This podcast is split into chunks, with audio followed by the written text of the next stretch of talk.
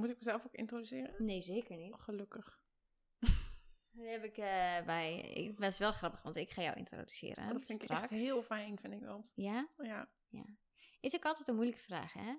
Vooral omdat de eerste vraag is, dan ben je heel ongemakkelijk. Ik, ik weet echt wel wat ik doe en wie ik ben. Ja. Maar als iemand dan zo van, oké, maar een podcast, wie ben je? Dat gelijk die vraag dat ik dan denk, zo'n spontane identiteitscrisis. Ja. Wie ben ik eigenlijk? en dan zeggen mensen later, je moet toch toch een beetje gaan oefenen hoor, die pitch. Dat ik zeg, ik weet al wat ik doe en wat ik ben. Ja. ja, maar zo in één keer. Ik vind het ook met sollicitatiegesprekken. Dat is, Ja. dat is ook gewoon de eerste vraag. Ja, wie ben je? Dat denk ik, joh, dat is de meest gecompliceerde vraag. Ja. Vraag me gewoon waarom ik hier wil werken of zo. En dan pas aan het eind, wie ben je? Wat je persoonlijkheid.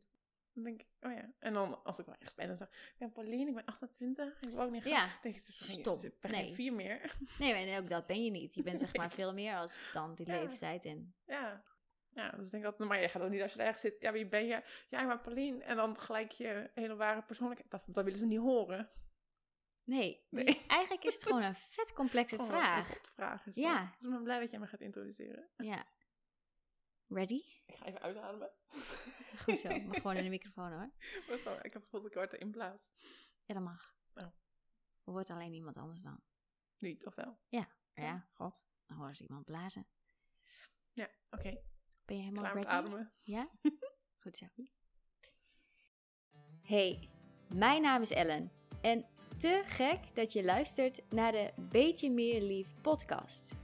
Hier klets ik over wat ik het meest interessant vind. Leven en de ontdekkingstocht naar jezelf. Over wat we daarin tegenkomen, klets ik met heel gewone mensen. Zoals jij en ik.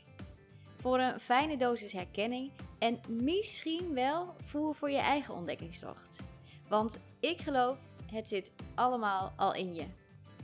En wie vandaag bij mij aan tafel zit, dat hoor je nu. Bij mij aan tafel zit een prachtvrouw. Dapper, avontuurlijk.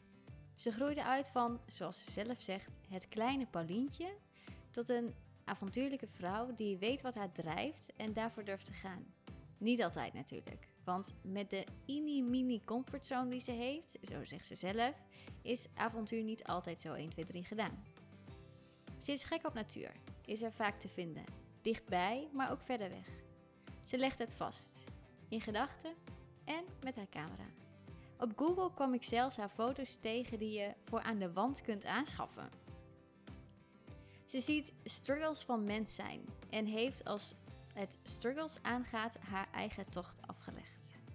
Beetje meer lief raakt haar. Het zijn de woorden die passen in haar leven. Hoe dat precies zit, daar ben ik nieuwsgierig naar. Oh, en ik bereid je vast voor, ze gaat ratelen als ze het spannend vindt. En laten we eerlijk zijn, een podcast is nou niet bepaald comfortzone. Nee, dat klopt. Dat heb je goed gezegd. Ja, het wordt helemaal ongemakkelijk om dit te horen. Maar Ja? ja. Waar word je ongemakkelijk van? Oh, ik weet niet. Dat ik denk, oh, dat klinkt als een leuk mens. En dan denk ik, oh wacht, het gaat over mij. Dat, ja, ik hoor nooit mensen zo over mij praten. Nee. Dus als je dan zo recht mij aan zit te kijken, dan denk ik, oké, thanks. Dus Ja. dank je. Graag gedaan. Ik vind het ook altijd heel eh, leuk om te schrijven voor iemand, omdat ik ook. eh, volgens mij is het altijd fijn om, om te horen, zeg maar, hoe je, eh, hoe je overkomt of wat het beeld van iemand is. En wij kennen elkaar gewoon niet. Dat, dat hè, was grappig aan het begin, voordat we de podcast opnamen. Zei jij ook van: ben ik dan de eerste die je echt niet kent? Ja. Eigenlijk wel. Zo echt niet. Heb ik nog nooit met iemand aan tafel gezeten. Dus ik vind het echt super te gek dat je er bent. En ik vind het ook. eh, het voelt gewoon fijn en goed. En dat is altijd leuk. En ehm, ja, ik, ik. Het klopt zeg maar ook wat ik opgeschreven heb. Dat wilde ik nog met mezelf ook checken voordat ik. Want ik heb deze al eerder geschreven. Ik dacht, oh nou, dan gaat het straks binnenkomen. En dan ga ik ook nog even voelen of het dan klopt, zeg maar. Maar ik zei net ook, oh, dat kleine Paulientje is er misschien, maar ik zie als je binnenkomt gewoon echt steady vrouw. Hm, Dank. Als je... Wil je, wil je hem zelf nog aanvullen? Of zeg je van, nou, eh, het wordt wel aangevuld in de loop van het gesprek, zeg maar, door hoe we kletsen? Ja, dat denk ik wel. Ik denk dat mensen dan ook zelf misschien dat uit hun eigen hoofd aanvullen. Ja. Wat ze horen. Is niet echt iets waarvan je zegt, oh, dat moet ik er nog even bij zeggen. Nee, ik vond het heel compleet. Oké, top. Leuk. Ehm, ik heb eh, vier theevragen eh, neergelegd weer. En van mij mag je weer een getal van 1 tot 4 kiezen. Twee. Twee. Dat ehm, is, wat is jouw lievelingsplek? Oeh, mijn lievelingsplek. Ja, buiten is misschien heel algemeen, maar toch echt wel buiten. Maakt echt niet zo heel veel uit waar. Als het maar Mhm. buiten is en lekker rustig en natuurlijk. En ja, dat is mijn lievelingsplek. Fijn. En ben je dan ook nog ehm, ehm, meer bijvoorbeeld een bosmens of een watermens of een bergenmens of een... Mm, Nee, ik denk dat ik die afwisseling juist wel heel fijn vind. En dat het ook een beetje van mijn moed afhangt. Soms Oh vind ik het echt heerlijk al in het bos. En andere dagen als ik juist heel veel rust in mijn hoofd nodig heb. Mhm. Vind ik het heerlijk om op het strand te zijn. Waar dan gewoon echt niks anders is dan zand en water en lucht. Ja, Dan vind ik dat weer veel lekkerder. oh ja. Want wat is dan het verschil tussen bos en strand op zo'n moment? Ja, ik vind het bos veel drukker. Qua geluiden, heel veel verschillende geluiden. Verschillende bomen, verschillende kleuren. Ja. Ja, voelt heel anders. Oh, wat grappig. Voelt wat drukker, denk ik. Ja. Wat mooi. Daar heb ik eigenlijk nog nooit eh, bij stilgestaan dat het bos ook als eh soort van eh, veel ervaren kan worden. Ja, soms als ik echt overprikkeld ben en ik sta in het bos, dan denk ik van, kunnen die vogels niet even wat minder hard? Of kunnen, weet je wel, kan dat licht niet even wat minder fel door die bomen? Of, Ja. Dat kan ik soms echt wel even hebben. Dan, niet dat ik er dan niet meer van geniet, maar Ja. dan wordt, ja, voelt het gewoon als meer dan als het helemaal open vlakte is. Ja. En kan je, want, want even, ik heb, wat ik niet heb gezegd, bedenk ik nu, is dat jij eh, een eigen bedrijfje hebt dat Outdoor Inspiratie heet.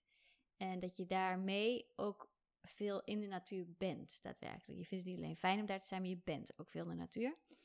Is er dan een plek dat je je kan herinneren dat, en dat is dus waarschijnlijk een samenloop van hoe je je voelt, misschien wat je die dag gedaan hebt, de plek waar je bent. Ehm, maar is er een plek waar je ons mee naartoe kan nemen van je echt zei, nou, dat, dat was voor dat moment echt even een lievelingsplek. Ja. Ik denk, ik heb deze winter dus in Frankrijk gewoond. Mhm. En toen heb ik heel hard gewerkt. eh, heel veel binnen ook wel geweest. En Ja. natuurlijk ook eh, binnen de beperkingen. Dat ik dacht van, oh ja, ik was, voelde me ook echt wel wat beperkter. Mhm. Toen dacht ik op een gegeven moment van, ja, dit zit allemaal echt in mijn hoofd. Dus ik ga nu naar buiten. Dus ik ben vijf dagen gaan wandelen in mijn eentje. En dat had nogal wat ups en downs. En op een gegeven moment stond ik zo in het zonnetje. En toen zag ik voor het eerst in vier dagen de grote berg waar ik omheen liep. Want Oh ja. eerder hingen de wolken. Ja. En zag ik die bergen echt helemaal helder. En het zonnetje scheen zo lekker. En dat staat best wel zo'n harde wind dan in de winter. Ik weet even niet hoe die heet, maar dat heeft zo'n naam die is echt kenmerkend voor daar. Echt zo'n stevige wind. En ik stond daar zo met die wind in mijn haren en uitzicht op die berg. Zonnetje op mijn huid. Ik had mijn t-shirt aan. En ik voelde me echt, dat ik dacht, ja, dit is echt, dit is het ultieme. Het wordt echt niet beter dan dit. Gewoon, ik voelde me zo lekker mezelf na die dagen. Even helemaal weer terug. En even, gewoon helemaal in het moment. En ik keek naar die bergen en ik dacht, nou, ik kan me echt geen plek verzinnen waar ik nu liever zou zijn. En wat doet, die, wat doet het zien van de berg dan? Ja, gewoon dat ding wat daar staat. Ja, dat klinkt le- lekker. Maar nee, gewoon zo'n... Het is gewoon echt, het is de Canigo. Ik weet niet of je eens in Zuid-Frankrijk bent geweest. Het is de eerste berg die je dan echt ziet. Altijd als je vanaf de kust naar richting Andorra rijdt. Ja, hoe heet die? Eh, de Canigo. Canigo. ja, oké. Ehm, en dat is echt wel een grote berg. Dus je ziet die altijd. En dat is voor mij, en ik heb daar natuurlijk drie maanden gewoond, is dat Ja. echt een soort van, voor mij ook een soort teken van thuis geweest. Als ik die bergen vanuit een bepaalde hoek zag. Dat ik dacht, Ah, cool. ik ben weer op mijn plekje. Ja. Ehm, dus ik denk als ik daar nu ook heen zou rijden, dat die berg hetgene zou zijn waarvan ik zou denken, oh, ik ben er weer. Ja. Dus ja, het voelde gewoon ook op dat moment zo van, oh, dit is even, dit is mijn leven. Het voelde bijna alsof ik een soort van naar mijn huidige thuis, mijn leven, stond te kijken vanaf de andere kant van de vallei. Oh ja, Ja, cool. dat kwam echt even binnen toen. Dat ik Ja. dacht, zo wil ik het. Ja, fijn. Zijn er, eh, wat, wat is het effect zeg maar van natuurelementen op jou? Mm, Ik denk dat het mij helpt om een beetje meer mens te zijn. Of zo. Ik kan heel erg in mijn hoofd gaan zitten en Mhm. heel erg meegaan in alle dingen die moeten. Of gewoon dingen die überhaupt in mijn hoofd zitten die helemaal niet moeten. Maar die gewoon daar echt zo rondspoken. En ik denk altijd van, oh ja, dit is allemaal een beetje van deze tijd of zo. Dat zijn vaak dingen die, zoals telefoon of zo, waar ik dan onrustig van word. Mhm. En dan denk ik, oh ja, die boompjes en die bladeren en, en de grond. En dat is er allemaal altijd al geweest. Ehm, dus dan kom ik gewoon wat meer tot, beetje tot mijn basis of zo, zou je kunnen zeggen. Gewoon rustig van. Ja. Ik denk van, oh ja, hier hoor ik te zijn en hier hoor ik me mee bezig te houden. Is het dan ook, eh, zeg maar, eh, allerhande afleidende externe prikkels die je dan eh, elimineert, zeg maar, door in de natuur te zijn. Ja, ik denk het wel. En het is, ja, dat, dat voelt voor mij gewoon ook altijd een beetje van, oh ja, hier, hier hoef ik niet zoveel of zo. Hier, ja, ja, ik denk, er is gewoon niet iets wat je moet Ja. of wat je kunt. En het is Ja. alleen maar je aandacht die volgens mij automatisch ook getrokken wordt naar wat is er. Wat voor planten staan hier? Is dat een brandnetel? En dat zie je echt wel. Mhm. Dus we zijn zo geprogrammeerd ergens dat ik denk van, oh, daar hebben we gewoon van nature veel aandacht voor. Mooi. Denk je dat het voor iedereen zo is of geldt het echt voor jou ook? Dat je lekker, dat je ook ziet, zeg maar, wat er om je heen is. Ik denk dat dat gewoon een beetje mens zijn is, maar dat we dat misschien een beetje afgeleerd hebben. Of dat we Mhm. dat soort van vergeten, dat Mm. stukje, omdat we zo meegenomen worden in toch wel die snelle technologie en altijd bereikbaar zijn. Dat het heel makkelijk is om gewoon niet in die natuur te zijn. Of als je al in die natuur bent, je telefoon mee te hebben of kop, eh, of het koptelefoon op te doen. Ja. Of dan, ja, dan vind je dat niet, denk ik. Ik ging ehm, een tijd geleden bosbaden. Ah, En dat eh, is ehm Shirin-yoku. Ik weet niet of ik het goed zeg, maar een Japanse eh, ehm, fenomeen eh, voor gelukkig leven. En dan ga je baden in het bos, wat betekent dat je helemaal onderdompelt in alles wat je daar ziet. En dat betekende ook bijvoorbeeld zand ruiken, schors voelen. En zeg maar, toen ik het eh, eh, ver- daarover vertelde, dacht ik echt van... je, een beetje dat bomenknuffelaar gehalte, zeg maar. Geitenwolle sokken en je tevensandalen idee. ja. En ehm, toen dacht ik, oh, dat wil ik niet zijn, weet je wel. Stom. En toen ging ik laten nadenken. En een van de meest eh, fascinerende dingen om te doen, ook in de natuur, vind ik duiken. Dat, ehm, dan ben je ook helemaal eh, vrij van alle externe dingen. Want ja, dat heb je gewoon niet onder water. Je bent alleen met je eigen ademhaling. En dan kan ik echt gewoon heel lang naar een stukje koraal kijken. En denken, oh, die kleur en de beweging die die maakt in het water. En eh, weet ik veel, een visje dat er dan weer aankomt. Of gewoon helemaal inzoomen, zeg maar. En, en dat daarover helemaal verwonderd zijn. En in het bos, als ik in het bos loop, dan dender ik zeg maar over die paden. Mhm. Eh, al dan niet met een podcast in mijn oren, inderdaad. Dus toen dacht ik, oh, wat, wat een oordeel hangt er dan ook weer aan. Dat je dan in het bos mag je niet verwonderd zijn over helemaal inzoomen op dingen. En, en, want dat is dan altijd normaal of zo, of dat is er altijd. En in de zee doen we dat allemaal. Ik bedoel, als we naar de Bahamas gaan en we, we huren een snorkelset, dan zitten we allemaal zo van, oh, zag je dat, zag je dat ene frutseltje? Of zag je dat, weet je wel, zo. Mhm. Grappig eigenlijk, dat ik, ja, Ja. zou het bos daar dan weer norma te normaal voor zijn of zo? Misschien wel. Ik heb ook als ik dichter bij waar ik opgegroeid ben in een bos loop, Ja. zie ik vaak veel minder dan als ik ja. eh, hier bij jou in de buurt in het bos zou lopen. Omdat het dan allemaal nieuw is en dan ben ik toch een soort van alerter. Ja. Dus het is wel echt een knopje, denk ik, wat je om moet gaan zetten. Als je, zoiets, als je dat wil beleven van, oh ja, ik ga nu echt alert zijn. ja. En dan moet je ook volgens mij gewoon continu jezelf weer terugzetten van, oh ja, ik was alert aan het zijn. ja, oh ja. Want we hebben natuurlijk van alles aan ons hoofd. Maar goed, ja. Ja, en ons hoofd produceert natuurlijk ook al die gedachten, maar die ons dan net zo goed weer kunnen afleiden. Zelfs als je je telefoon niet mee zou hebben. Ja. Ja. Maar ja, je kan het dus wel, want je kan het ook met duiken. Dus dan Ja, moet het ja. ook lukken in, in het bos. Maar Ja, wat je zegt, misschien dan een, een mindset. Zeg maar dat ik, ik ga nu in het bos om gewoon me te verwonderen over wat, eh, wat ik tegenkom of zo. Mhm. En ik vind dat als ik in het bos ben, dan denk ik, ik kan ook een heel rondje wandelen. Maar dan moet ik wel een beetje doorlopen, want ik heb nog afspraken of zo. Oh, dus ja. dat ik, ik heb, het zit eigenlijk niet in mij om te gaan denken, ik ga nu naar het bos. En dan op het eerste bospad ga ik in de bosjes eh, duiken om plantjes te zoeken. Dat vind ik, ja, dat probeer ik dus wel vaker te doen. Ja. Maar in mijn hoofd is dat niet, niet wat je moet doen in een bos. Nee. In mijn hoofd moet je een rondje lopen in het bos. Oh ja. En dan lekker voor de beweging, is goed voor de conditie, Oh is ja. gezond. Kaders, kaders, kaders. Ja, ja. terwijl ik denk, oh, je kan eigenlijk ook gewoon naar het bos gaan om plantjes te gaan zoeken. Ja. Maar dat, dat zit ook nog niet helemaal in mij. Nee. En ik ben opgeleid tot bioloog, dus je zou denken, die heeft wel aandacht voor plantjes en dingen. Ja. Maar soms, eh, ja, toch wel een beetje de routines, denk ik. Ja. Ja, wat je jezelf dan blijkbaar dus ook oplegt. Wat je daar dan komt gaan, wat je daar komt doen. Ja, Dat is denk ik sowieso veel. eh, dat we ons opleggen om van alles te doen. En daarmee is er geen ruimte om eh, te bewegen naar waar je zin in hebt. Of, dat vind ik ook zo te gek van de coronatijd, zeg maar. En die lege agenda's. Je gaat weer nadenken over waar je zin in hebt. In plaats van wat je moet doen omdat het in je agenda staat. Want je hebt het weken geleden al afgesproken, zeg maar. Mhm. Ja. Een van de vragen die ik eigenlijk aan iedereen wil stellen is: How's life treating you? Ja. Ik ben nieuwsgierig naar, jou, eh, naar jouw antwoord. Ja, ik heb hier ook een hele tijd, toen ik hier naartoe reed, ik ben anderhalf uur onderweg geweest, dacht ik, wat zou ik daar nu op antwoorden? Ik vind dat echt wel een lastige vraag op een of andere manier. Ja. Ehm, maar eigenlijk, ja, wel goed denk ik. Gewoon, volgens mij is het leven ook gewoon het leven ergens. Ehm, wel dat ik echt op ben dat ik denk, goh, af en toe zou ik wel willen dat het wat makkelijker was of zo. Dus er zitten Mhm. wel, of tenminste dat zoek ik dan zelf waarschijnlijk op, echt wel uitdagingen op dit moment. Dat ik denk van, echt gewoon dingen waar je geconfronteerd wordt met jezelf. Van, oh, was dit maar gewoon allemaal, ging dit maar gewoon? Waarom moet het nou weer zo moeilijk? En waarom maak ik dit nou weer zo moeilijk? Het is echt wel met de uitdagingen, maar eigenlijk dat ik denk, volgens mij heb ik echt een heel goed leven. ja. Dus het zijn echt. En Maar wat- dat is ook een onderdeel van een goed leven, denk ik. Dat je wel uitgedaagd blijft worden. Mhm. Dus ja, ja, vertel goed. eens. Ja, ik, ik denk dat mijn leven echt heel saai zou zijn als ik geen uitdagingen meer zou hebben. Of geen persoonlijke groei meer door hoefde te maken. Ik bedoel, ik ben 28. Wat moet ik dan de komende 50 jaar, als ik Ja. dat zoveel geluk heb, om ook dan nog gaan doen?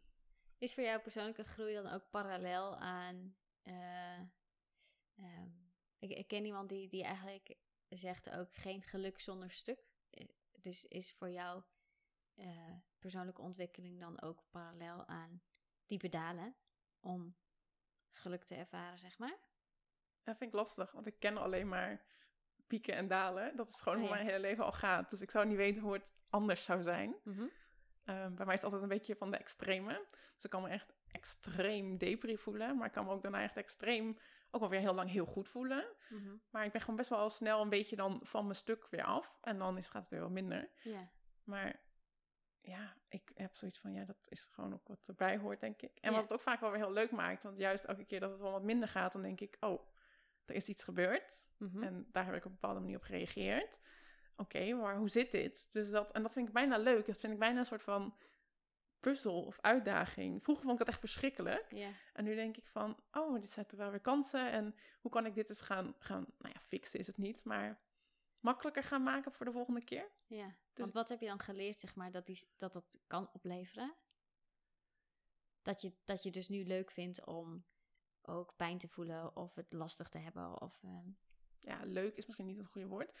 ik Mhm, vind het niet leuk om pijn te voelen, maar nee, maar wel dat ik denk van, ik kan het gewoon wat makkelijker accepteren en zien dat daar mooie dingen uitkomen. Want als je Ja. daarmee aan de slag gaat, Ja. dan ben je daarna dus gewoon een stuk vrijer in je hoofd ehm, en in je leven. Dus dat brengt ook wel weer heel veel. Het is alleen dat stukje van ontdekken waar het niet helemaal goed gaat, naar dat verbeteren, dat ik, dat- ja, dat is best wel oncomfortabel natuurlijk en confronterend. Ja.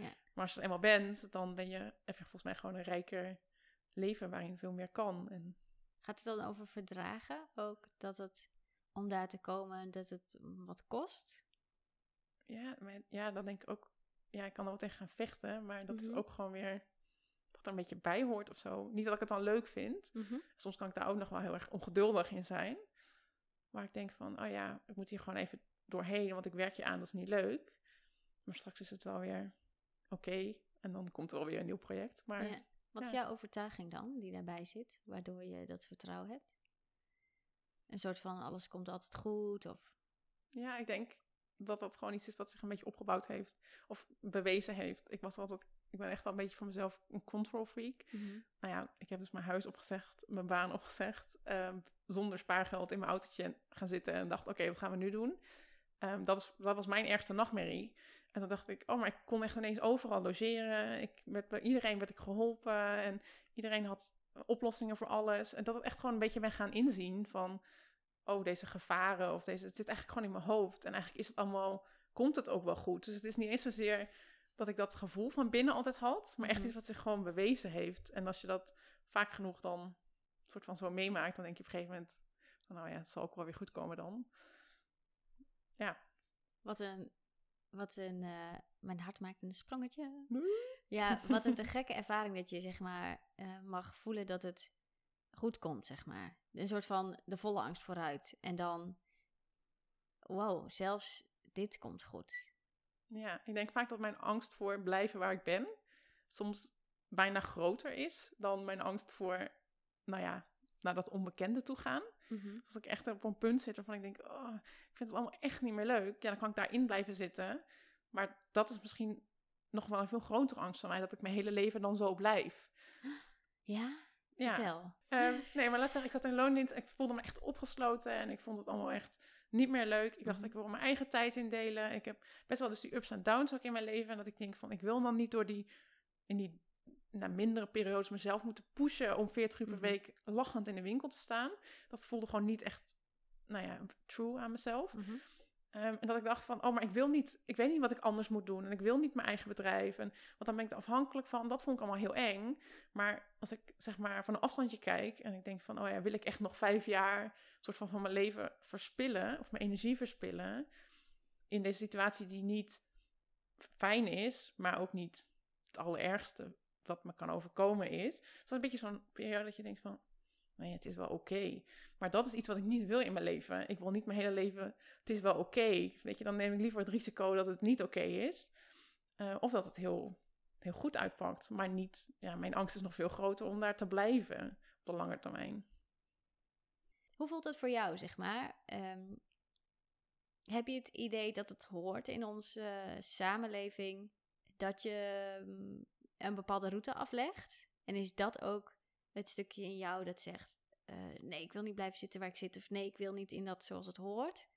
Hmm, Nee, het is denk ik wel dat. Ik denk dat ik, nou ja, laten we zeggen, de eerste 21 jaar van mijn leven Mhm. gewoon ben gaan doen wat verwacht werd. Mhm. En dat is dus iets heel raars, want niemand heeft ooit tegen mij gezegd: Pauline, als jij VWO kunt doen, moet jij VWO doen. Mhm. Deed ik gewoon, want dat stond op een papiertje, dus dan doe je dat. Mhm. En dat, zo ging ik ook naar de Unie. Ik ben alleen maar naar open dagen van de universiteit geweest, niet naar HBO, terwijl ik helemaal niet. Ik wil niet nog meer in mijn hoofd zitten. Universiteit is echt een domme keus voor, voor mij, als ik terugkijk. Maar daar heb ik nooit over nagedacht. Dus het was allemaal in mijn hoofd dat ik dacht dat anderen verwachten. En dat heb ik gewoon heel lang ingezeten. Maar ook, ik merkte als ik daar een beetje uit wilde. Ik ben gestopt met mijn studie. Nou, dat werd niet zo goed opgevangen. Dus dan was het eerste wat ik dan dacht: van oh, ik ga ook wel weer terug, want dat is makkelijker. Dus dat heb ik wel heel lang gedaan. Totdat ik ineens dacht van, ja, maar ik word hier echt heel ongelukkig van. Dit maakt iedereen gelukkig, blijkbaar, maar mij niet. Dus ik voelde me daar ook altijd wel een rare Pauline in. Ik dacht van, ik heb het allemaal niet voor elkaar. Maar nu ik het eenmaal gedaan heb, zijn heel veel mensen die tegen mij zeggen, nou, ik wou dat ik dat had gedaan. Ja, dat vind ik grappig dat jij dat zegt ook. Dat is misschien ook een overtuiging die jij hebt. Blijkbaar wordt iedereen hier gelukkig van, zeg Mhm. je? Ja, is... Dat dacht ik. Nu ja, niet meer precies. hoor, maar ja. toen echt wel, ja. Ja. ja. Dus dat ik dacht, oh ja, wacht, nee, nee, dit hoeft eigenlijk niet. Ja. Maar het is, ja. hey, jij bent natuurlijk bij mij, of jij hebt mij bericht. Dat Mhm. was echt zo van, wow, dat zou ik altijd nooit doen, maar... Ja. En dat heb je gedaan. Ja. Nou, super cool. En je bent hier niet voor niks. Eh, Een beetje meer lief, dat zijn de woorden die jou geraakt hebben. Zoals ze mij ook geraakt hebben toen Jeroen Hangse uitsprak eh, in het programma Over Mijn Lijk. Het verhaal waar we nu heen gaan, zeg maar. ehm, heeft dat alles te maken met waarom je hier zit? Ik denk als ik terugkijk dat het voor mijn hele leven dat het wel allemaal een beetje meer lief had gemogen. Dus ja, ja waarschijnlijk gaat het over alles wat ik, wat ik ook maar ergens roep. Dat dat eigenlijk bijna van toepassing is van, oh ja, weet je, het hoeft allemaal niet zo. Je hoeft niet zo streng. Het hoeft allemaal niet, ook naar anderen, van je hoeft ook niet zo streng naar mij te zijn. Maar ook naar mezelf, dat is natuurlijk het grootste. Van, hè, doe eens gewoon, komt wel goed. Of gewoon eigenlijk dat, dat lieve stemmetje wat je voor jezelf best mag gebruiken, eigenlijk in je hele leven ja. ik denk dat, dat ik dat nog steeds, dat voor mij nog steeds een les is, maar, of een leerpunt is. Maar dat dat, eh, ja. En dus misschien ook zoals je eh, in je jongvolwassen jaar, zeg maar. Mhm. We zijn nog steeds jongvolwassen. maar ehm, daar ging het heel erg over natuurlijk eh, wat hoort.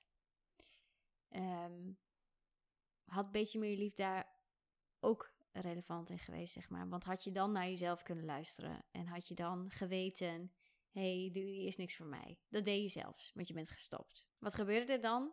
Wat anderen jou, voor jouw gevoel, oplegden, waardoor je toch weer terugging. ja, toch, toch het gevoel dat je een bepaald iets moet doen om het, om goed genoeg te zijn of zo. en, en normaal te zijn. En dat je zeg maar jezelf een soort van moet aanpassen. Want andere mensen doen dat ook. Dus waarom kan ik dat niet? Ja. Waarom kan ik geen 40 uur werken in loondienst? Waarom kan ik niet eh, deze studie zo hard werken als de rest? Ja. Nou, ik was gewoon het, het alleen maar moe. Ik kon het gewoon echt niet aan. Maar toch dacht ik het van, ja, maar ja, ja, het moet nou maar even. Stel je niet zo aan of weet je wel, op die manier. Omdat ik natuurlijk ook allemaal mensen om me heen had die allemaal heel hard werkten. En die eigenlijk ook achteraf gezien allemaal gewoon best wel... Dat ik dacht van, oh, die, die zijn volgens mij ook niet altijd even... Dat ze hun eigen me-time inplannen of wat dan Mhm. ook. Maar dat was gewoon een beetje waar ik in zat, denk ik. Terwijl ik nu, als ik naar mezelf, als ik terugkijk, dan denk ik van, goh meid, je had ook nog vijf jaar eerder mogen stoppen. Dat is allemaal ook wel prima geweest. Dat was het ook wel goed gekomen. Maar zo kon ik op dat moment niet denken. Ik dacht alleen maar van, ik, ik faal als ik, nou, laat ik zeggen, als ik een college geen vraag durf te stellen, dan faal ik al. Laat staan dat ik mijn hele studie opzeg.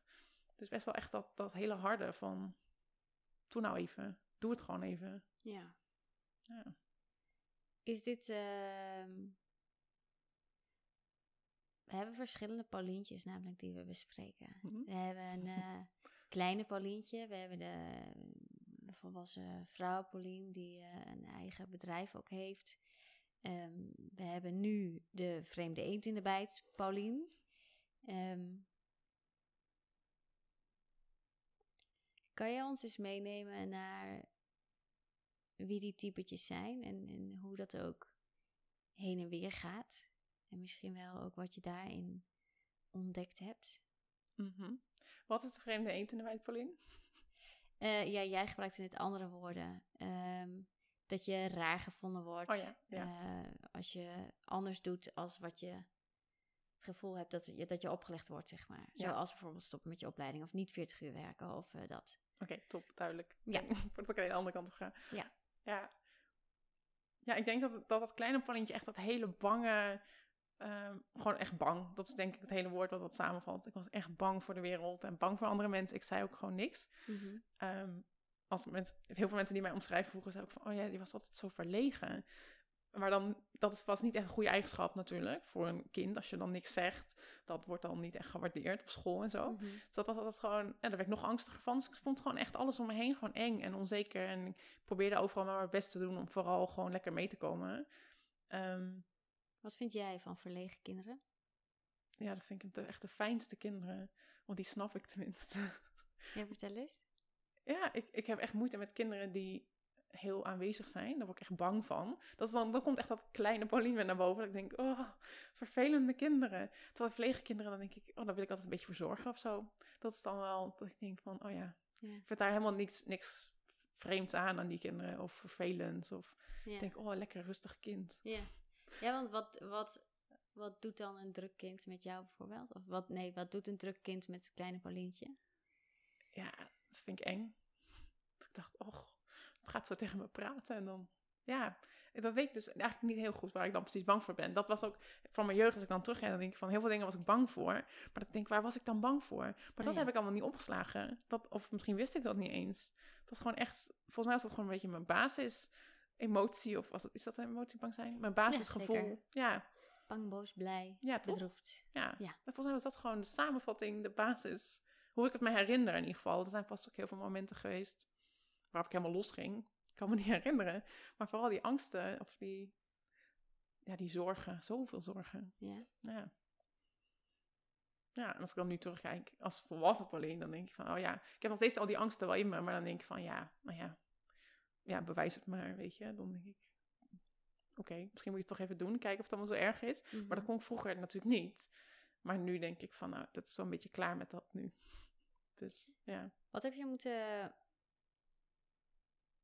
doen? Wat is de weg die je afgelegd hebt om dit nu te kunnen zeggen?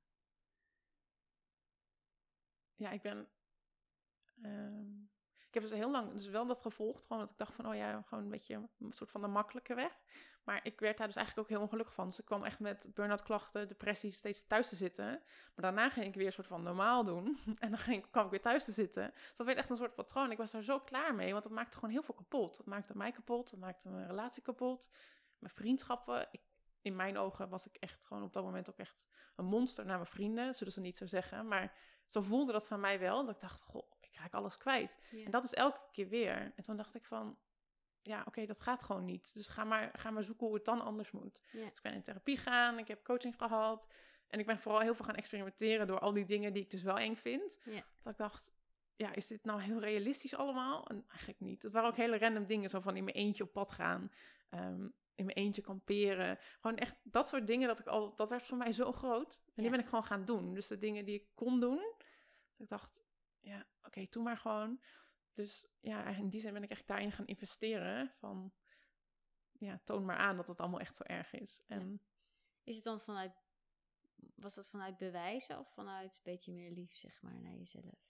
ik denk in het begin echt bewijzen. Mhm. En dat het nu is van, het is nog steeds, het is natuurlijk dat je jezelf pusht om iets oncomfortabels te doen. Mhm. Ik weet niet in hoeverre dat lief is, maar ik denk dat het resultaat, dat mijn comfortzone nu wat groter wordt, Mhm. dat mijn leven er eigenlijk van, makkelijker van wordt, dat dat wel een soort van cadeautje voor mezelf is. Nou ja. Maar dat soms gewoon even, ja, dat stukje naar de finish toe, zeg maar. Ja. Dus echt, ja, dat is, nou ja, niet altijd comfortabel natuurlijk. Maar ja, dat moet ook wel, want anders blijf je in je comfortzone en dan blijf je daar dus zitten waar je zit. Dus Wat is dan, eh, dat vind ik leuk, want soms dan wil ik mensen uitleggen wat voor mij de waarde is van buiten je comfortzone treden. Terwijl het ook heel veel kost, natuurlijk. Heel veel. Ja, hoe zit dat voor jou? Hoe zie je dat, zeg maar? Wat, wat betekent voor jou een comfortzone en wat is de waarde van erin of eruit Mhm. eh, bewegen? Mm, Ja, voor mij is mijn comfortzone dus echt letterlijk wat het woord is, waar ik me comfortabel voel. Mhm. Ehm, en in mijn geval is dat bijvoorbeeld ook heel erg meegaan in mijn angst, of als ik iets eng vind, dat vooral niet aangaan, maar dan gewoon maar niet doen. Mhm. Dat blijft dan, dan blijf je een beetje in dat comfortabele. Ja. Maar dat is voor mij ook het stukje, voor mij voelt dat ook een beetje als het, het ja, het saaieren. Mhm. Maar dan niet dat saai per se slecht is, maar in dit geval wel. Mhm. Dat ik denk van, oh, dan zit je gewoon, dan zit je een beetje te zitten of zo. Dan heb ik het gevoel dat ik daar niet echt leef. Dus Ja. ik krijg echt het gevoel dat ik leef als ik daar net een beetje buiten ga. Ik ga niet helemaal tien keer eruit, weet je wel. Maar wel gewoon kleine stapjes. Ja. Maar dan heb ik denk ik van, oh ja, je leeft. En dat kunnen maar hele kleine dingetjes. En dat vind ik dan echt doodeng. Maar Ja. stiekem begin ik ook steeds meer dat die angst of die oncomfortabelheid die ik dan voel, Aha. Dat ik dat ook nu al als een soort van voorpret zie. Ja. Van, oh, straks krijg ik echt die heerlijke ontlading van, oh, ik heb het gedaan. Of juist dat de dag van, nou, dit is echt allemaal verschrikkelijk Ja. uitgepakt. Ja. Maar dan heb ik altijd zo'n, kan ik er zo om lachen met mijn vrienden, dat het eigenlijk ook alweer een beloning is. Dat zijn altijd van die domme verhalen dan. Dat je denkt, nou, Oh weet je, ja, hoe verzin je het? Maar dat is ook op zich ook allemaal, het zijn ook weer lessen. Dus te gek. het wordt steeds, het wordt steeds leuker, denk ik. Dit, maar echt Het is dit. verslavend. Ja. ja. Terwijl jij eigenlijk zegt van ik heb een mini-mini comfortzone. Dus buiten je comfortzone treden in hele kleine stapjes is al snel gedaan. Zeg ik, of Ja, zeg, ben dat ik dan... ja, zo Ja? zeg ik dat ook. Ja. Ja, Ik zeg altijd, dat is een voordeel. Vroeger vond ik dus dat, dat angstig zijn, ja, ik vond het altijd echt een slecht ding. Of die kleine comfortzone vond ik echt een slecht ding. Daar had ik altijd echt een hekel aan. Ik dacht van, dat maakt mij een saai mens. oh ja. Terwijl nu denk ik van, ja, het is zo makkelijk om avonturen te beleven. En het is zo makkelijk om uit je comfortzone te gaan. Ja. Als die al niet zo groot is, ehm, dan, dan is dat veel. Ik hoef niet helemaal Ja. hele extreme dingen te gaan doen die misschien gevaarlijk, echt, echt gevaarlijk zijn. Ja. Dat hoeft voor mij allemaal niet. Want ik krijg diezelfde kick al als ik gewoon, ja, weet ik veel, een liedje op straat zing of op een andere manier in de picture kom. Ja. Soms, soms gaat het ook niet goed hoor. Ik ik van de week dacht ik, ik ga een presentatie geven, ga ik mee oefenen. Dat vind ik dus ook echt heel eng. Ik dacht, oh, uit de comfortzone. Nou, ik heb daar echt staan janken voor acht mensen. Dat ik denk, oh ja, nee, nee, dat, was niet, dat pakte niet uit zoals ik dan wil. Ja. Maar daardoor krijg ik juist weer die drive van oh, de volgende keer. Dus ja, ja, wat dan? dan denk ik, ga ik nog een keer doen. Ja. Ga net zo lang door tot het wel lukt. Ja. En wat is dat dan? Dat, je, dat het dan toch moet lukken? Mm.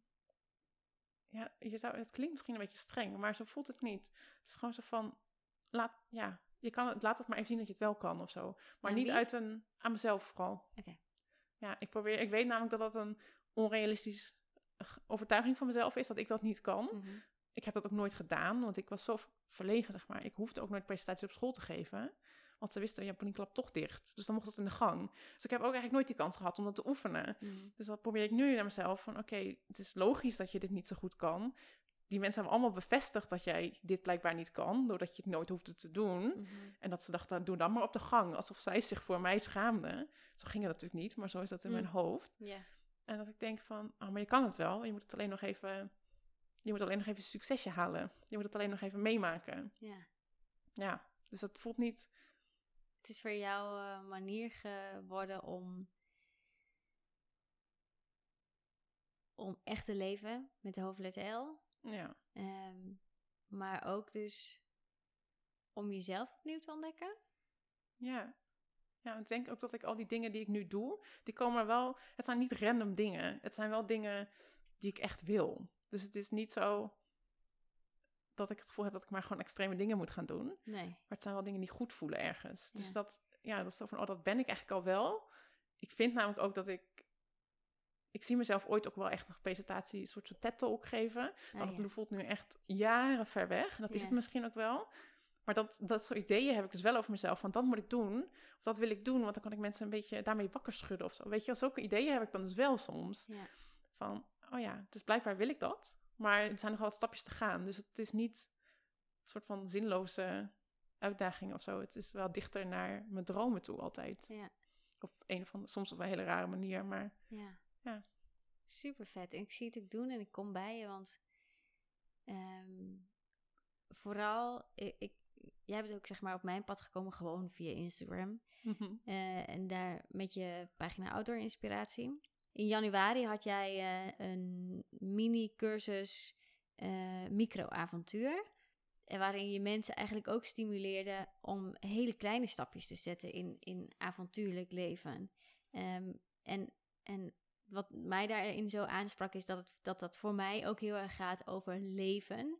Dus niet altijd op dezelfde manier wakker worden, naar je werk gaan en je ding maar doen, zeg maar. Dus, dus eh, ja, als je daarover gaat pleidooien tijdens een TEDx-talk, ik ben erbij.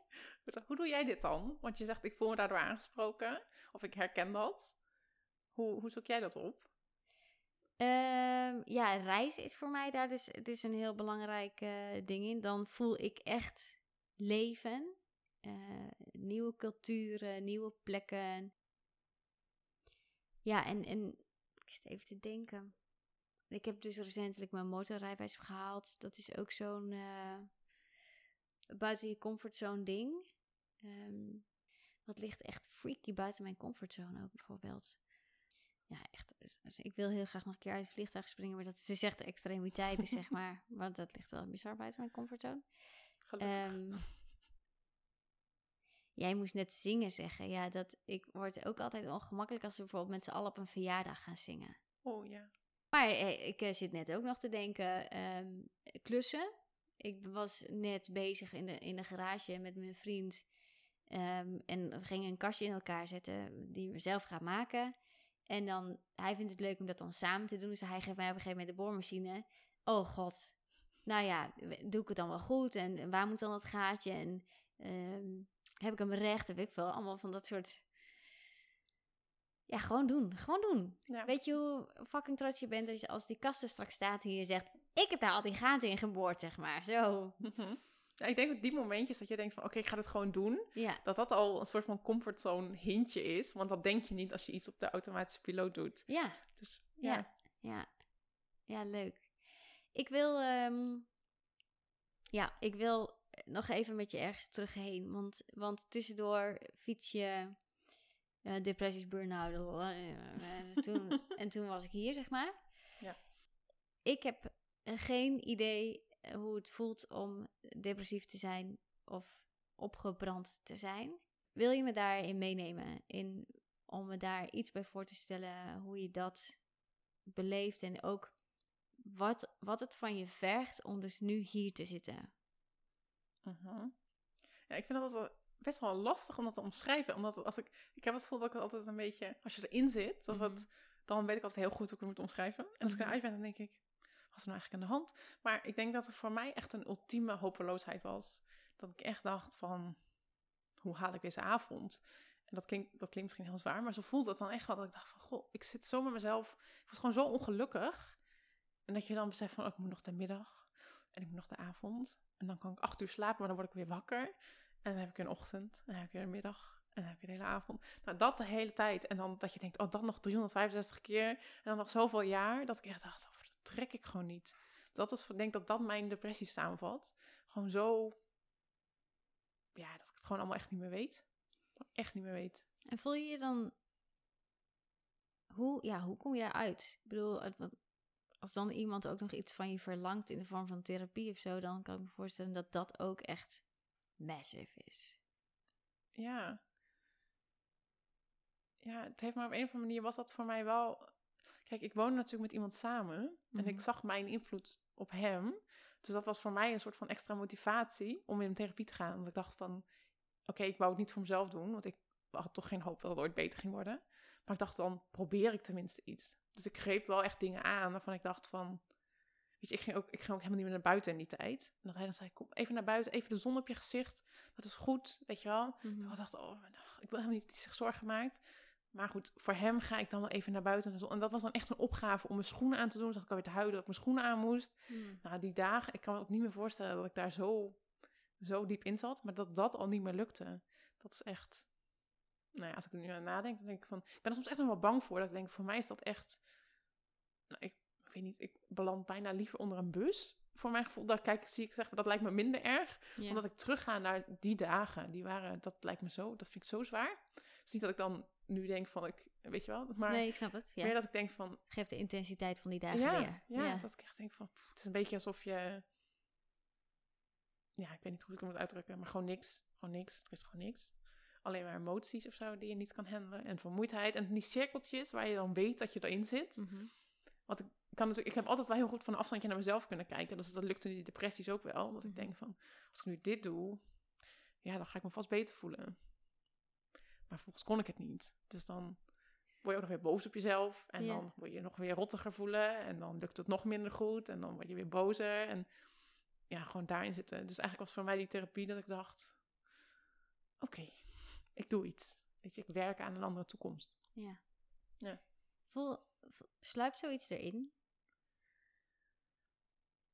Hoe, Mm. hoe, hoe ben je op dat punt gekomen? ja, ik denk dat het, als ik terugkijk in mijn leven, dat ik best wel vaak zulke periodes heb gehad. Mhm. Maar dat ik het eerder niet echt wist, omdat ik gewoon nog braaf door kon gaan op de een of andere manier. Dus ik denk ook dat die paadjes in mijn hoofd echt heel goed ontwikkeld zijn. Dus zodra ik me een beetje begin te voelen van, nee, nee, nee, of de, het is heel lange, wekenlange regen in de winter, dat helpt ook niet. Dus dat ik echt een hele kleine trigger, dat ik heel snel beneden ben, zeg maar in, in mijn dal. Mhm. Dat dat steeds, ik heb het gevoel dat dat steeds makkelijker gaat. Maar dat ik er ook wel steeds makkelijker uitkom, gelukkig. Maar ja, ik heb nu ook wel eens dagen dat ik denk van, oh, het gaat eigenlijk, goh, wat, wat zit je eigenlijk negatief? Eh, weet je wel, dat, dat de basis gewoon heel negatief wordt. Mhm. Ik denk, oh, dat is wel opvallend. Maar het is niet zo dat ik denk van de een op de andere dag, oh, nu ben ik depressief.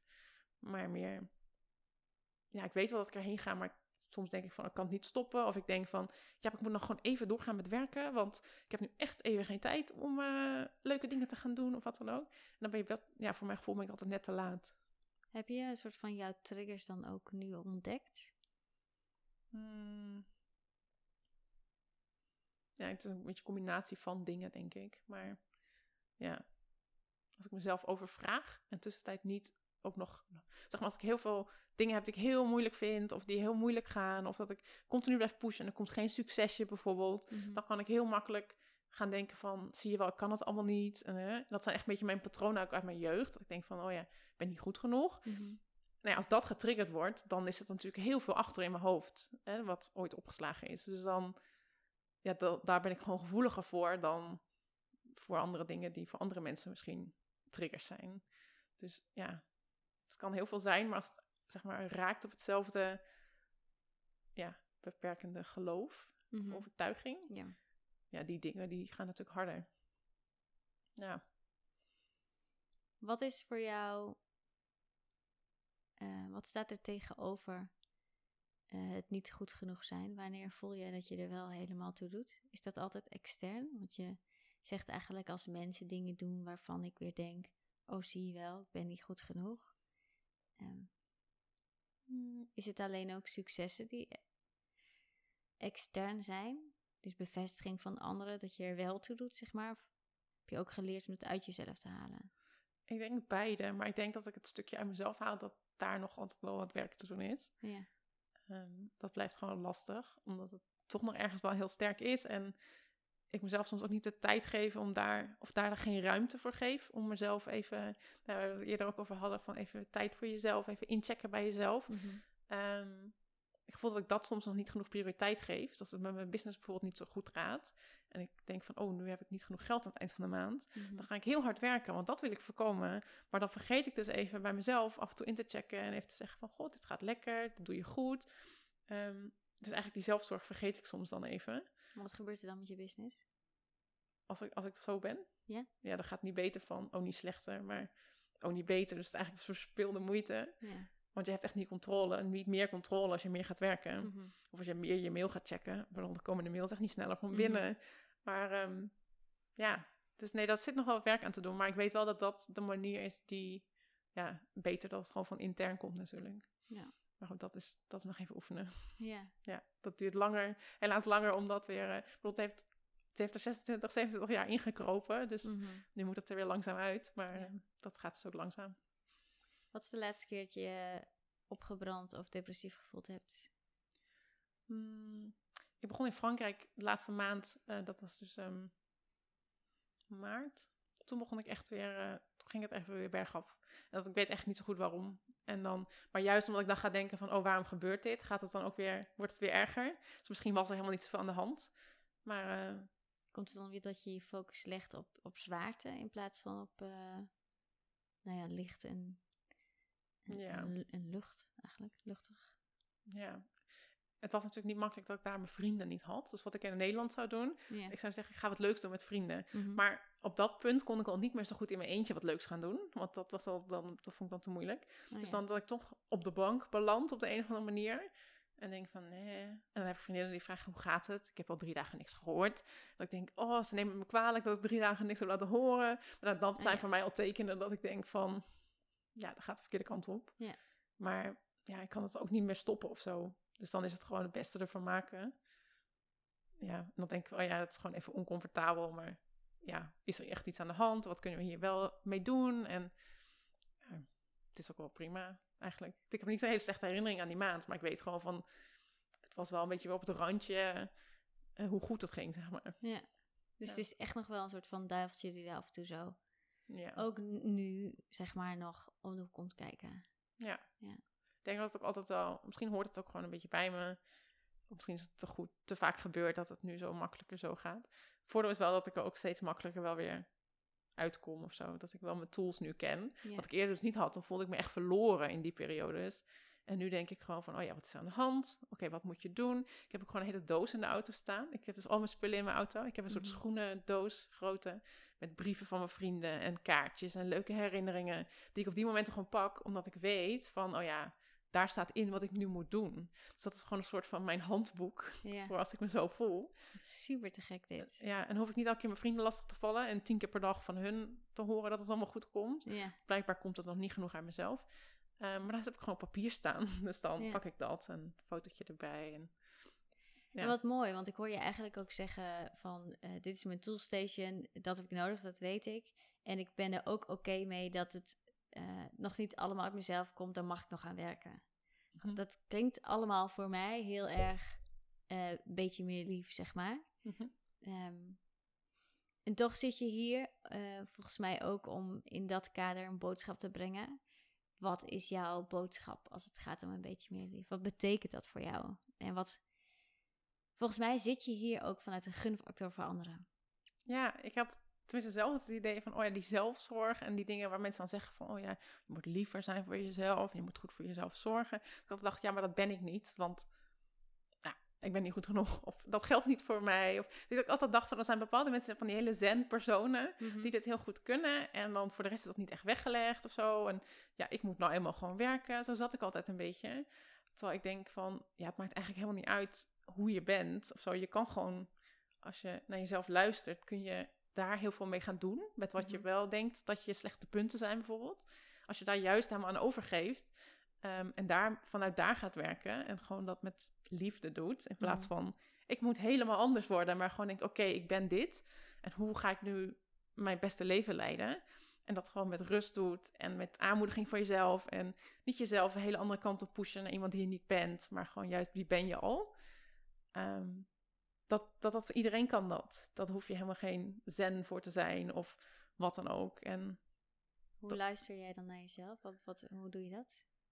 ja, ik denk dat we allemaal wel een soort van ja, ja, onderbuikgevoel noem ik dat altijd. Misschien is dat heel noordelijk. Maar ehm, ja, ik denk, volgens mij weten we het wel als we, ja, wat je, wat je wil. Of je weet heel vaak wel wat je niet wil. Mhm. Tenminste, daar begon bij mij. Dat ik dacht van, oké, dat wil ik allemaal niet. Ik weet niet wat ik wel wil, maar dat ga ik in ieder geval niet meer doen. Ehm, dus dan kijk ik wel wat er dan wel komt. En als dat dan wel goed voelt, dan ga ik daarmee. Maar ik denk dat je het wel weet, als je, dat je het diep van binnen echt wel weet. Ik denk dat ik altijd geweten heb, eh, toen ik begon met studeren, dat ik eigenlijk niet wou studeren.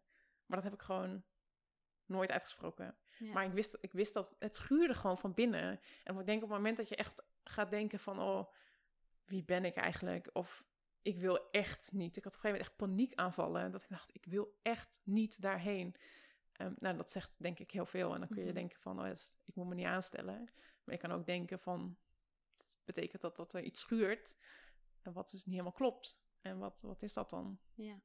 En, en ik hoor jou eigenlijk zeggen dus dat je eh, bij jezelf ook de moed mag gaan zoeken om daar gehoor aan te geven. Ja, en dan kleine stapjes. Dus niet, niet gelijk denken dat je een heel ander persoon wordt als je dat eenmaal besluit van, oh, als ik nu besluit meer mijn, mijn hart te gaan volgen, of mijn intuïtie, dan heb ik ineens mijn droomleven. Nee, zo gaat dat niet. Ik bedoel, Mhm. dat, dat gaat niet zo snel.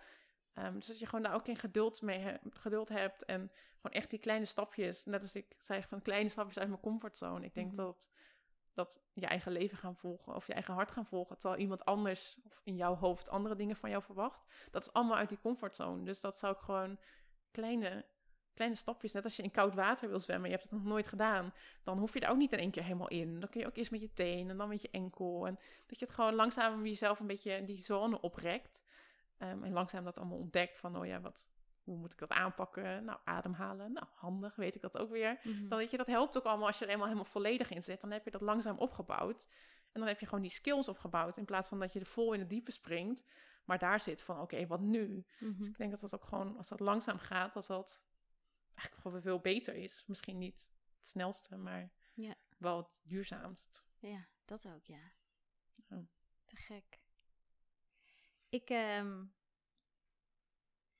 wil wel heel graag richting de Leaf Trophy eigenlijk. Tenzij Mhm. jij nog echt zegt, nou, dit ligt gewoon nog op mijn hart. Dit wil ik heel graag kwijt. Ja, als je dat niet nu direct hebt, ook prima. Mocht dat wel zo komen, dan vlieg je hem er zomaar in. Ja. Hoe is dat nu? Nee, ja, ik heb echt, ik heb altijd als ik zo zit, dan, misschien zie je het, ik heb dan ook de neiging om een soort van schutbeweging, dat ik denk, hallo, word wakker, weet je wel, doe dit ieder- gewoon, ga dit nou iedereen die doen. luistert. Ja, Ja, wat is de dit even in deze gewoon, zin? ga, ja, dit, ga dit gewoon doen, gewoon wat je, wat je denkt dat je moet doen. Of wat je weet dat je moet doen, denk ik. Misschien niet wat je denkt. Ja, Dus dat je en, denkt, en, en, en eh, waar zit dan de gewoon? gewoon doen. Bedoel ja, je? Ja, Daarin? ja, Gewoon? jij zei ga dit gewoon doen. Gewoon doen. Ja, dat is blijkbaar wat ik zelf zeg. Maar gewoon, ja, doe het. Zonder, zonder dat heel gecompliceerd te maken. Dat is denk ik even Dat dit, is het gewoon. Dat is even het gewoon. Is natuurlijk Ja. helemaal niet gewoon. Het is hartstikke moeilijk. Maar Nee, ja, maar, Ja. maar er zit wel... Gewoon kan wel iets betekenen. Dat is dus maak het niet gecompliceerd. ja, Eh, en betekent dat dan niet nadenken, maar ervaren? Zoek de ervaring op en eh, ga dan voelen ook wat goed voelt om wel of nog niet te doen. ja, ik denk dat je altijd wel een klein beetje mag nadenken. Je, wil, je moet niet jezelf in levensgevaar gaan brengen of dat soort dingen. Dus ik denk dat je hersenen nog enigszins gebruikt mogen worden. Maar dat je al die excuses die in je hoofd komen waarom je het niet zou moeten doen. Mhm. Ik denk dat je die gewoon een beetje mag, ja, net als jouw podcast dingetje hier, gewoon het volume wat lager mag draaien. Nou ja, En van dat stukje wat dan denkt van, oh, dit is wat ik echt wil, of dit lijkt me zo tof, dat je die gewoon helemaal vol open moet zetten. Ja. En dat je, ja, dat je dan mo- moet gaan. En dan, ja, weet je, dan denk ik altijd, als het dan niet helemaal is wat je denkt, dan heb je in ieder geval een heel leuk verhaal op verjaardag te vertellen. En dat is altijd nog, zeg maar, meer, ja, dat is altijd nog beter dan als je in je saaie leventje of je, je bubbeltje blijft zitten waar je eigenlijk niet zoveel te vertellen hebt, omdat je er helemaal niet een passie voor hebt. Dus dan denk ik, nou, dan liever een blunder vertellen dan, Ja. dan niks te vertellen hebben, toch? ja, ik ben het hier helemaal mee eens, maar ik, dit is ook wel eh, lastig. En, maar wel, Zeker. go for it, zeg maar ja, dat. gewoon, ja. ja. ik, ja, zeg ik weer, gewoon doen. Ja. Dat is wat ik mezelf vertel als ik denk van, oh, ik wil het echt niet. Ik Ja. vind het zo spannend. Ja. Nou, hup, gewoon doen. Ja. Of ik laat iemand aftellen, 3, 2, 1. Dus dat doe ik ook in mijn hoofd als ik, weet ik veel, wat dan ook moet doen. Ja. Dat het helemaal niet af te tellen valt. ja. Gewoon van, oké, 3, 2, 1, dan ga ik die stap gewoon zetten. En Oh dan, ja. Oh ja. Fuck it. Ja. ja. Heerlijk. Ja, oké, dat, dat dus. Fijn. Eh, ook lekker dat je zo echt letterlijk zegt, oh, ik heb gewoon Ja. echt dat schutgevoel. Zo van, Ha! Ik voelde echt die frustratie in mijn Ja. lichaam. Ja, dat is Ja. echt... Dat, wie zat dat nou? Vroeger was ik altijd dat ik dacht, nee, stilletjes in een hoekje. En nu denk ik, hallo. Ja, Ja, dat vind ik ook vet aan jou. Nou. Want, je, want je, je zit hier wel gewoon en je voelt gewoon ook de passie als het gaat over dit stuk, zeg maar. Sorry voor het woord passie, mensen. Je voelt gewoon de gedrevenheid, de energie die erachter zit. Met dat dit voor jou gewoon zo goed werkt en dat je dit anderen ook zo gunt. En dat je, Mhm. ja, daar zit zo geloof achter ook. Terwijl jij ook zegt, eh jemine, wat doet dit soms zeer? Wat is het soms ingewikkeld? Of wat flikker ik soms in dat dal? Eh, maar ik leef wel met de hoofdletter L. En ehm, ja, weet je wel, hoera aan leven. Terwijl je Mhm. zelf soms dacht, "Pff, ik weet niet hoe ik de dag doorkom. Ja, de, ja, dat vind ik- Ja. Wat een eh, inspiratie. verschil, echt, ja. Ja. Mooi. hey, wat ik, ik vind het gewoon zo leuk dat ik dan de vorige podcast iemand heb gesproken. En dat ging dan over je authentieke zelf zijn. Waar, wat, wat gedeeltelijk natuurlijk ook overeenkomt met wat we nu bespreken. Ehm zij heeft gestudeerd aan de kunstacademie, is Chris. En zij heeft eh, eh, iets meegegeven wat wellicht ook buiten je comfortzone ligt. Ehm, maar daar zit ook een, een verhaal aan en dat ga ik je geven. Eh, hij ligt op de stoel naast mij. Oh, er was op de pen. Oh, een nee, er was een pen die erbij lag. Ehm, ik ga hem je geven en als jij eh, gewoon wil vertellen wat ik je nu geef en eh, het lezen en eh, Oké. in ontvangst nemen, zeg maar. Oké, ik zal proberen de microfoon niet om, te, om te zetten. En kwast met een mooi kaartje. Aha. Ik vind hem allemaal mooi. Oké, ehm, er staat op het kaartje: Je bent zo mooi anders dan ik. Natuurlijk niet meer of minder, maar zo mooi anders. Ik zou je nooit anders dan anders willen. Dat vind ik echt heel erg mooi. Ja, en hij past ook zo. En nu? Ja, Dat vind ik zo fijn altijd. Dat, dat ik denk, nou, dat klopt dan weer helemaal. ja. Moet ik de achterkant ook lezen? Ja, zeker. dat is een bericht van Chris. Voor jou. Oké. Lieve beetje meer liefgast. Bij deze geef ik je een beetje meer lief, de zaakjes, de liefde. Mhm. Voor mij zit dat in creativiteit, bijvoorbeeld. Vandaar de kwast. Ik ben benieuwd wat het voor jou... Eh, sorry. Ik ben benieuwd wat het voor jou in zit. Dat hoor ik vast in de volgende podcast. Ik wens je veel lief, de liefst Chris. Ik ben niet zo'n goede voorlezer, maar het is een heel, het is niks. berichtje. Vooral het kaartje dat ik denk, ja. Oké, creatief, de kwast. Wat betekent dan creatief zijn ook voor jou? Is dat comfortzone of uit je comfortzone? Voor mij is dat uit mijn comfortzone. Ik vind dat spannend. Dat ik denk, oh, dan geef ik mezelf, laat ik mezelf helemaal zien. Plus ik vind altijd dat ik dat dan hele mooie dingen moet maken. En ik ben, ben als we dat objectief gezien, ben ik nou niet heel erg kunstzinnig aangelegd. Laten we het daarop houden. Maar nee. En ik vind de kwast, ik ga dus, oh, sorry. Geeft niet. Ik ga dus serieus wel hiermee schilderen. Ja? Alleen al om dit kaartje, dat het gewoon, het moet gewoon. Ja. Mag gewoon. Ja. Wat ik van Chris geleerd heb, ook in de podcast onder andere, maar ik heb daarna ook nog een, een eh, zondag met haar geschilderd, wat ook echt buiten mijn comfortzone ligt, schilderen. Het tekenen niet, maar schilderen wel. Ehm, dat het niet gaat om wat je maakt, maar om gewoon doen. nou, Ja, Ja. en dat zijn natuurlijk ook jouw woorden. Ehm, en eh, je hoeft niet iets te maken. Je mag gewoon eh, bezig zijn. En daarmee uit je hoofd zijn. En ehm, wat wij hebben gedaan om ook eh, ehm, iets te maken, was dat zij een etuietje had gemaakt met allemaal woorden erin. En we gingen om de beurt een woord pakken en daar zinnen van maken. En zinnen die ons ehm, raakten, zeg maar, die schreven we op. Nou, uiteindelijk hadden we een paar, paar zinnetjes op papier staan. En daarvan kozen we er één waarvan we eh, een gevoel hadden bij vorm of bij kleur of bij... En dat was dan ons eerste stap om, zeg maar, het eh, toe te treden tot het doek, zeg maar. en en eh, ja, toen gewoon een vorm of een kleur pakken en daar gewoon op dat doek kwakken. Het hoeft Ja. niks te worden, zeg maar. En ik vond het echt afschuwelijk hoe het uiteindelijk geworden was. Dat vind ik dan heel naar om te verdragen, zeg maar. Want Mhm. ik wil dat ook zo graag dat het dan mooi wordt. Ehm, maar ja, dit hoeft dus niet. Dus ik zou ook vooral zeggen, zie deze kwast ook als symbool voor Mhm. dat het niet hoeft. Yes, ga ik doen. Ik vind het helemaal mooi. Leuk. Gaan we ook echt zorgen dat hij dan zo'n mooi kleurtje krijgt. Zo die, hoe noem je dat? De haartjes van de kwast. Aha, Dat het dan bewijst dat je dan toch een beetje leeft. Toch maar gaat doen. ja. Gewoon doen. Ja. Wil je in ieder geval de smerige kwast met ons delen? Ja, Beetje- commitment. Klein beetje pressure. ja, dat is heel goed. Dat is heel goed. Hey, wij moesten net een beetje gniffelen, want ik zei, eh, hey, eh, je beetje eh over je Leaf Trophy, Mhm. heb je daaraan gedacht? Ja, natuurlijk had je daaraan gedacht, heel goed zelfs, want je had hem al in je uitgelegd. Maar jij leeft in je auto, dus de Leaf Trophy is niet het enige wat erin ligt. Er ligt van alles meer in, waaronder een schoenendoos, hebben we net gehoord. Ja. Ehm, met jouw toolbox eigenlijk. Ehm, je gaat mij vertellen wat je Leaf Trophy is. En dan Ja. duiken we met z'n tweeën straks weer de auto in. Of jij duikt straks je auto in om eh, eh, hem op te sporen. Ja. Ehm, dus ja, maak me gek. Want ik kan het dus niet zien. Dus Nee, het gaat heel op jouw nu. omschrijving. Ja, ehm, ik heb dus meegenomen, ergens de auto. Mhm, Het is een, een zakje lavendel mhm. uit Frankrijk, uit die streek ongeveer. Ik weet niet zo goed waar die begint en eindigt. Ehm, en dat is voor mij echt iets wat ik ben gaan doen toen ik meer rust voor mezelf ging creëren. Om gewoon lekker te zijn en een beetje met mezelf in te tunen. Ehm, want ik had, ik kan dus dat heel slecht dat omschakelen van druk zijn naar, naar minder druk zijn. En lavendel is natuurlijk iets wat geur al rust geeft. Maar ik ben dat dus ook gaan associëren met slaap en met rust. Dus elke keer als ik dan zo'n momentje creëerde, dan had ik altijd mijn lavendel dingetje bij de hand. Mijn lavendelzakje.